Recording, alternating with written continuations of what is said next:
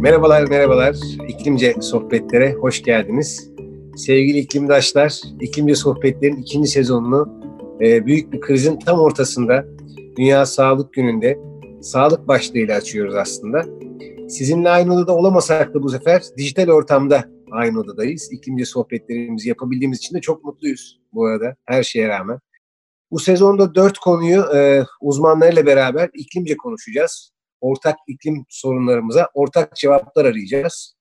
Covid-19 krizi bizlerle insanlığın karşılaştığı krizlerle mücadele edebilmek için hızla esnek çözümler üretmek kapasitesini hatırlattı. Bir yandan da bu krizlerin temel sebeplerini düşünmenin, ortak küresel çözümlerin gerektirdiğini tekrar bir hatırlatmış oldu. Covid-19'un belirttiği gündem iklim krizi doğrudan bağlantılı olmasa da e, tıpkı iklim krizi gibi hayati iklim krizi gibi küresel bir e, krizi aslında işaret ediyor. İklim krizi gibi ekonomik, toplumsal ve bireysel değişimi bize dayatıyor. Eşitsizliklerin gözler önüne serilirken bir yandan da bu eşitsizlikleri ortadan kaldırmayı hedefleyen e, önerilerin çözüm ol, olacağını gösteriyor ancak bize. E, bundan başka bir çözüm olamayacağını daha doğrusu gösteriyor. Eşitsizliği çözmeden hiçbir şey çözemeyeceğimizi çok net bir şekilde aslında gösteriyor kimseyi geride bırakmadığımızı, bırakmamamız gerektiğini tekrar hatırlatıyor bize. Bugünlerde en çok kullanılan kelimelerin başında pandemi geliyor. Pandemi Grekçe bir kelime ve sözlük anlamında tüm insanlar demek. Salgınlar tüm insanları etkiliyor.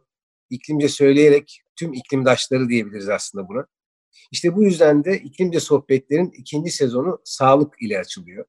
İnsanların sağlığı, ekosistemin sağlığı, gezegenin sağlığı, ne kadar önemli olduğunu bize tekrar tekrar hatırlatmış oluyor. Fakat e, biz burada panı yani bir anda tutuyoruz. Tüm ana sonu bir yandan pan yani ama sonu demi değil. E, sonuna seferaya ekleyip yani tüm dünya diyerek bir bakışa e, bürüyoruz. Arkadaşlarımızı burada böyle çok tatlı ayırmışlar. Ben de buradan bir yandan okuyorum. Tüm dünyanın sağlığını düşünen iklimdaşlarımıza bir daha hoş geldiniz diyoruz. Şimdi küçük bir hatırlatma yapacağım. Her iklimde de olduğu gibi önce uzmanlarımızla biraz sohbet ettikten sonra konsepti hatırlamış olalım. Sizin sorularınızı alacağız. En sonunda da Güneş Naydemir'le kısa bir değerlendirme yapacağız her zaman gibi. Ee, konuklarımıza ben tekrar hoş geldiniz demek istiyorum. Öncelikle e, Ümit Hocam hoş geldiniz. Didem Hocam hoş geldiniz. Hoş bulduk, merhaba. Hoş bulduk. Sohbetimize iklim krizi ve sağlık bağlamında genel bir çerçeve çizerek başlayalım istedik. İlk önce Profesör Doktor Didem Evci Kiraz'a e, siz iklim değişikliği alanında ortak çabaların desteklenmesi projeleri kapsamında iklim değişikliği ve sağlık konusunda bir eğitim modülü hazırladınız ve ülkede pek çok eğitim verdiniz. İklim krizi toplum ve bireylerin sağlığını nasıl etkiliyor? E, demeden önce sizi biraz aslında tanımak istiyoruz hocam. Ee, teşekkür ederim e, sevgili Mert Fırat. Ben e, bir halk sağlığı profesörüyüm. Aydın Adnan Menderes Üniversitesi Tıp Fakültesi'nde görev yapmaktayım. E, aynı zamanda e, aynı üniversitenin çevre sağlığı ana, ana bilim dalı başkanıyım. E, uzun yıllar Sağlık Bakanlığı'nda e, görevlerim oldu. Bürokrat olarak çalıştım. Ardından üniversiteye geçtim. Üniversitede de e, uzun yıllardır e, şehir sağlığının geliştirilmesi araştırma uygulama merkezinin müdürlüğünü yapmaktayım. Aynı zamanda e, üniversitede başka kendi ilgilendiğim konularda da e, merkezlerim var. Sağlık Bakanlığı ile birlikte iklim değişikliğinin sağlık etkileri boyutunda e, 2010 yılından beri e, bir çalışma içerisindeyiz. Ayrıca e, göç ve sağlık hizmetleri konusunda da çalışıyoruz. Çevre Bakanlığı'nda da e, bahsettiğin iklimin projesi kapsamında çalıştık. Orada iklim değişikliği ile ilgili bir e, modül hazırlığım ve eğitim oldu.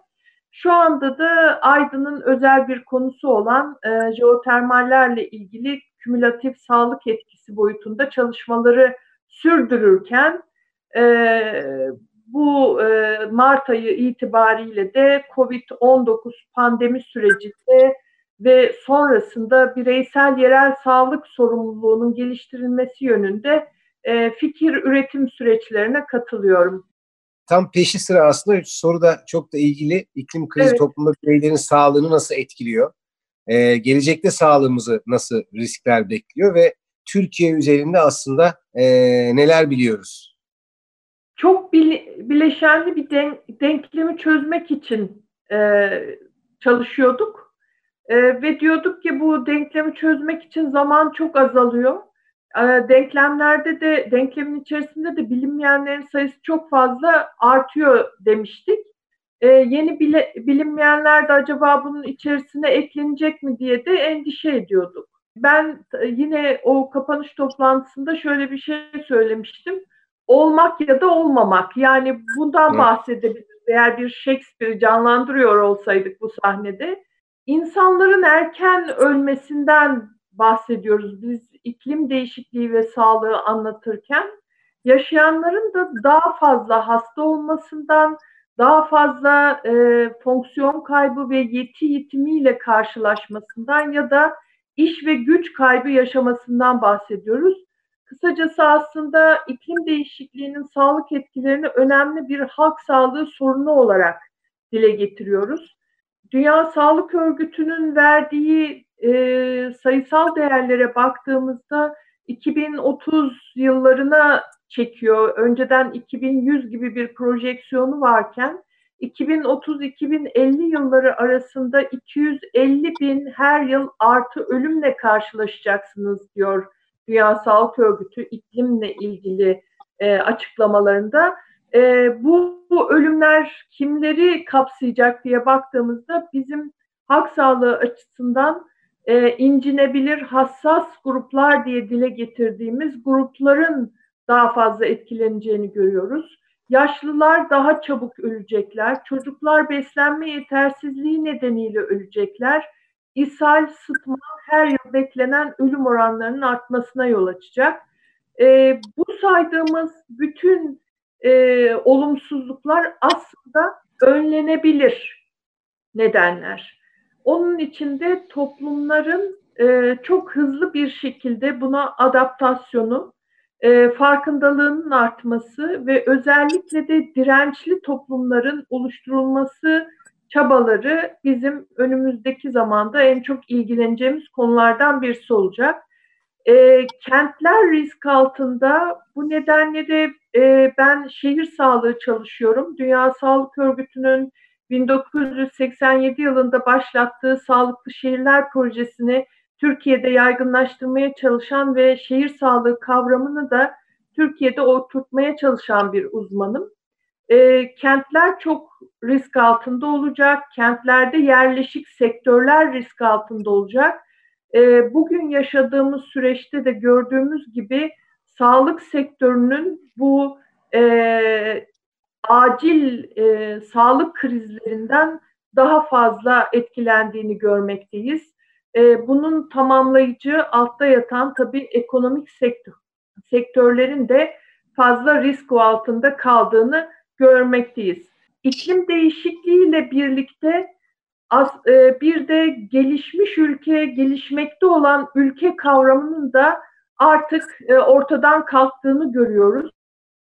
Özellikle iklimin sağlık etkileri boyutunda e, ülkeleri biz iklime direnç kazanmış ya da kazanmamış ülkeler olarak da sınıflamaya başlayacağız. E, hastalıklar neler olacak diye bakarsak e, hastalıklar boyutunda da e, sıcak dalgaları ön plana çıkıyor. Ani gelecek olan sıcak dalgalarıyla oluşabilecek sağlık sorunları e, aynı COVID-19 pandemisi sürecinde yaşadığımız gibi eğer altta yatan bir hastalık artı bir hastalık daha artı bir hastalık ve üçten fazla hastalığı olan kişilerin e, sağlık sorunlarının daha da artarak e, gündemi e, oluşturacağının e, kanıtı olarak görmekteyiz. Kanıt deyince tabii ben hep bu anlatımları yaparken bu konuya değinmeden geçemiyorum.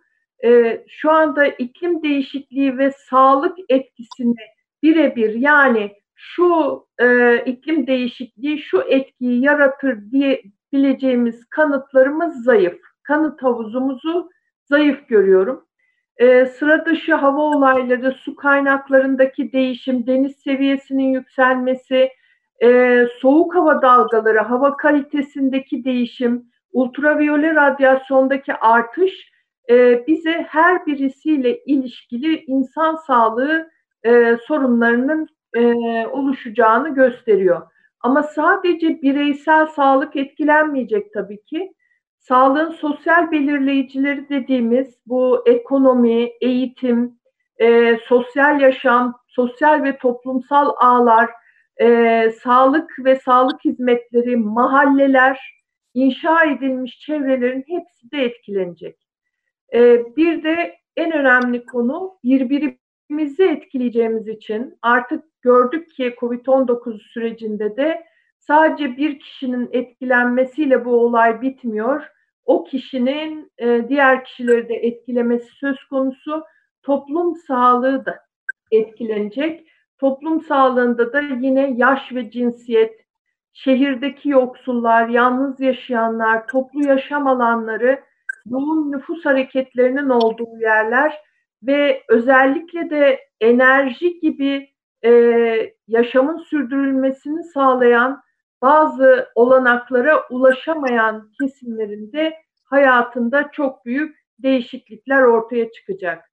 Ee, biz hep iklim değişikliğinin sağlık etkileri dendiğinde ilk başlarda bu iklim eylem planları çalışırken çalışılırken Çevre Bakanlığı zamanında yaptığımız çalışmalarda e, iklimin sağlık etkisi sıtmadır deyip geçebiliyorduk. Ama geldiğimiz noktada e, tabii ki sıtma hala görebileceğimiz e, tehlikelerden birisi ama sıtmanın 2050 yıllarındaki projeksiyonlarına baktığımızda kuzeye doğru ilerleyen bir süreç görüyoruz.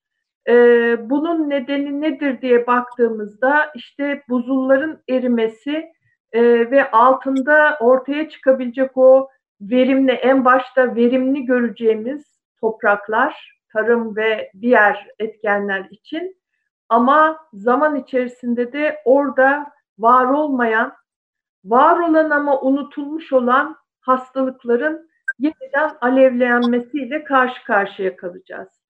Ee, ben hep sunumlarımda şunu örnek veriyordum. Ee, chikungunya dediğimiz hastalıkla henüz biz tanışmadık. Yani bu kelimeyi hiç duymadık. Ama bu kelimede bir gün gündemimiz olabilir demiştim. Ama tabii şu anda hani chikungunya'yı falan unuttuk. Ee, Covid-19'la e, birlikteyiz e, sağlık etkilerinin tabii vektörel hareketler yani vektör dediğimiz bir hastalığı bir başka kişiye taşıyan aracılardan bahsediyoruz. Bu aracılarla ilgili e, tiplerin değiştiğini göreceğiz. E, bu tiplerin değişmesi e, hiç olmayan e, başka sorunların da ortaya çıkmasına neden olacak e, aslında her konuya değinmiş olduk hocam bir tarafıyla.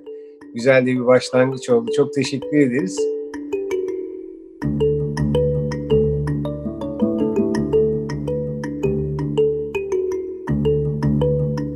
Şimdi Ümit Hocam, e, Doktor Ümit Şahin'le birlikteyiz. Lütfen biraz kendinizden bahsedebilir misiniz? Merhaba herkese, teşekkürler. Ee, ben de Sabancı Üniversitesi'nde e, İstanbul Politikalar Merkezi'nde iklim değişikliği araştırmalarından sorumlu uzman olarak çalışıyorum. Kıdemli uzman ve iklim çalışmaları koordinatörü olarak. E, ben de Didem Hoca gibi halk sağlığı uzmanıyım. Temelde hekimim e, ve yani iklim çalışmalarına da hem sağlık etkileri bağlamında, halk sağlığı etkileri bağlamında hem de e, işte iklim politikaları, e, başta azaltım politikaları olmak üzere yapılması gerekenler bağlamında yıllardır uğraşıyorum. E, şu anda da tabii gündemimiz biraz bu e, koronavirüs salgını e, haline geldi. E, son zamanlarda da bayağı yoğun bir şekilde e, dünya literatüründe de e, bu salgınla iklim krizinin e, paralelliği üzerine e, yazılar ve yorumlar çıkmaya başladı. Belki onu da konuşuruz biraz. E, tabii bu salgın iklim krizinden kaynaklanmıyor, iklim değişikliğinden kaynaklanmıyor ama e, ikisi arasında çok ciddi paralellikler var. En başta söylediğiniz gibi küresel bir salgın olması, küresel bir sorun olmasının da ötesinde benzerlikler var. E, bu anlamda da e, iklim kriziyle e, bu COVID-19 pandemisi bayağı bir akraba sayılabilir. Herhalde bunu da konuşmaya ihtiyacımız olacak. Evet çok yumurta mı tavuktan, tavuk mu yumurtadan bir konu. Ee, şimdi iklim krizine yol açan şeyin artık fosil yakıtları olduğunu biliyoruz hocam. Dünya bunu kabul etmiş durumda. Ee, Dünya Sağlık Örgütü'ne göre e, dünyada her yıl 7 milyon insan hava kirliliğinden aslında e, hayatını kaybediyor. E, Temiz Hava Hakkı platformunun da yaptığı bir araştırmaya göre 2017 yılında Türkiye'de hava kirliliğinden yaşamını yitiren insan sayısı 50 bin. Hatta 50 binin üzerinde. Görünen o ki sadece iklim krizi sağlığı etkilemiyor. İklim krizine yol açarken sağlığımız da aslında büyük oranda riske atıyor. İklim kriziyle mücadele gerek üretilen hani politikalarda gerekse uygulanan eylemlerde sağlık ne derece dikkate alınıyor? Bu işin neresinde? Size de bu soruyla başlamak istiyoruz. Evet, e, yani önce şimdi klasikleşmiş kabul edilebilecek bir sözle başlayayım. E, bu e, son yıllarda bu konularda çok sayıda rapor yayınlayan Lancet'in Sağlık ve İklim Komisyonu 2015'te bir rapor yayınladı. E, ve e, iklim değişikliğinin 21. yüzyılın en büyük küresel sağlık tehdidi olduğunu ilan etti. E, şimdi bu ne demek? E, aslında Didem Hoca'nın da anlattığı gibi e, eskiden e, bu iş daha çok bulaşıcı hastalıklar, özellikle de vektörle bulaşan hastalıkların yayılması bağlamında ele alınırdı. E, çünkü bu da çok basit bir nedene dayanır. İşte subtropikal bölgeler, şu anda bu tür hastalıkların yaygın görüldüğü bölgeler e, daha böyle e, kuzeye ve güney yarımkürede güneye doğru yani üst enlemlere doğru kayacak. Dolayısıyla bu tür hastalıklar, sıtma benzeri hastalıklar bundan sonra ılıman bölgelerde de endemik hale gelecek, görünür hale gelecek. E, bu öteden beri konuşulan bir şeydir. Hatta biliyorsunuz İngiltere işte 2040'larda e, sıtmanın yaygın olarak görüldüğü bir ülke olarak e, düşünülür. Bunun üzerine hazırlıklar yapılır falan. E, fakat aslında e, 21. yüzyılın en büyük sağlık e, tehdidi olması temelde bundan kaynaklanmıyor. Temel nedeni bunun aslında iklim krizinin insanın ve diğer pek çok canlının e, yeryüzünde hayatını sürdürebilmesine olanak sağlayan fiziksel koşulları ortadan kaldırmasına e, dayanıyor. Şimdi biliyorsunuz şu anda küresel sıcaklık artışı 100 yıl öncesine göre kıyasla 1 dereceyi geçti hatta 1.2 dereceyi buldu.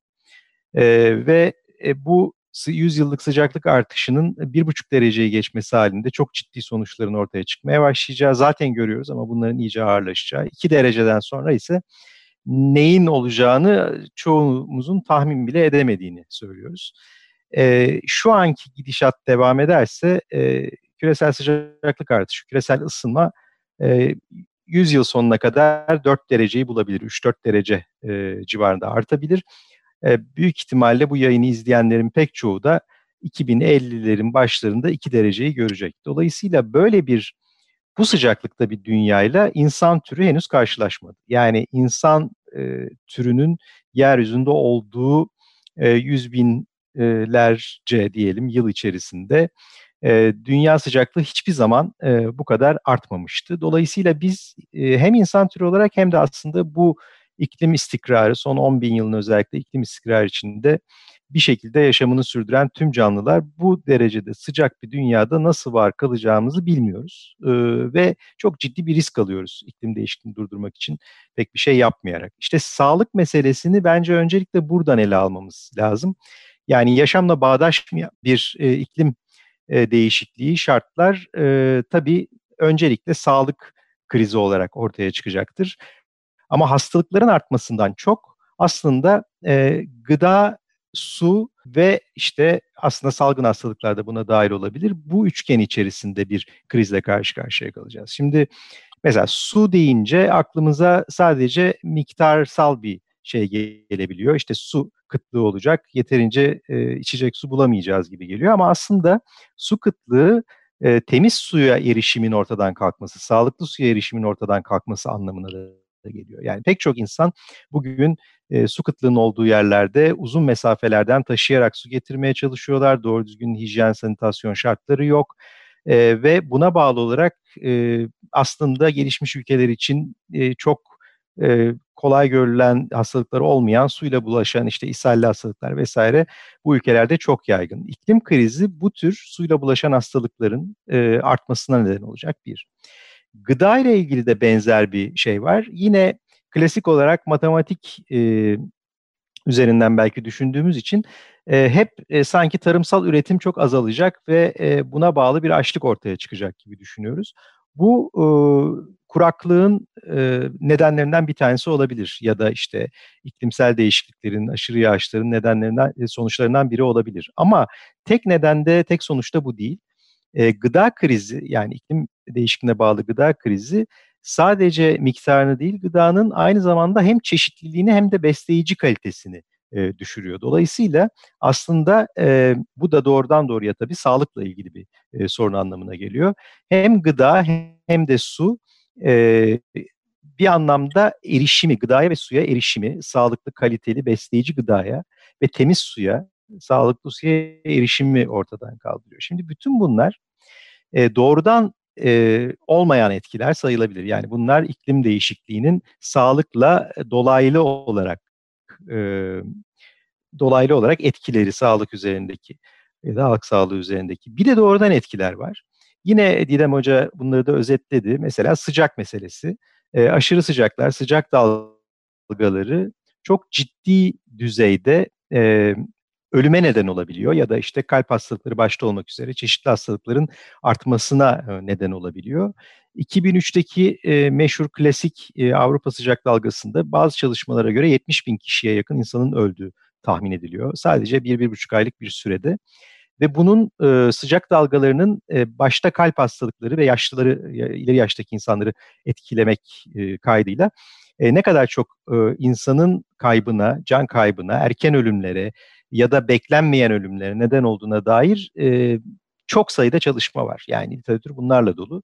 E, biz de yeni bir çalışma yaptık e, ve İstanbul'da sıcak dalgalarına bağlı ölüm sayılarındaki artışa e, baktık ve 2015 ya yeni yayınlandı birkaç ay önce. 2015, 2016 ve 2017'de toplam 14 gün süren 3 aşırı e, derecede sıcak hava dalgası sırasında İstanbul'da e, beklenmeyen ölüm sayısının yani bu sıcak dalgası olmasaydı, bu 3 sıcak dalgası olmasaydı ölmeyecek olan e, 419 kişinin öldüğünü yani bu kadar insanın sıcak dalgalarına bağlı olarak öldüğünü saptadık. Bu e, bunun gibi pek çok çalışma çeşitli illerde, çeşitli yerlerde yapılabilir. Dolayısıyla sıcak dalgası işte başta vektörle bulaşan hastalıklar ya da yeni ortaya çıkabilecek virüsler olmak üzere bulaşıcı hastalıkların artması, gıda ve suyla olan meselenin bağlantısı vesaire hepsi e, iklim değişikliğinin 21. yüzyılın e, karşılaştığı en büyük e, sağlık tehdidi e, olduğu anlamına geliyor. Tabii bunun hava kirliliğiyle e, de bir bağlantısı var. Onu isterseniz e, bir sonraki bölümde de konuşabiliriz. Ama risk e, altındaki gruplar e, tıpkı bu pandemide olduğu gibi yine e, sıcak dalgalarında ve iklim değişikliğine bağlı tüm diğer sağlık sorunlarında genellikle işte kronik hastalığı olanlar, ileri yaşta olanlar e, ya da dezavantajlı gruplar, gruplar toplumun dezavantajlı kesimleri olduğunu hem sosyoekonomik açıdan hem sağlık açısından e, söyleyebiliriz. Evet, çok teşekkür ederim.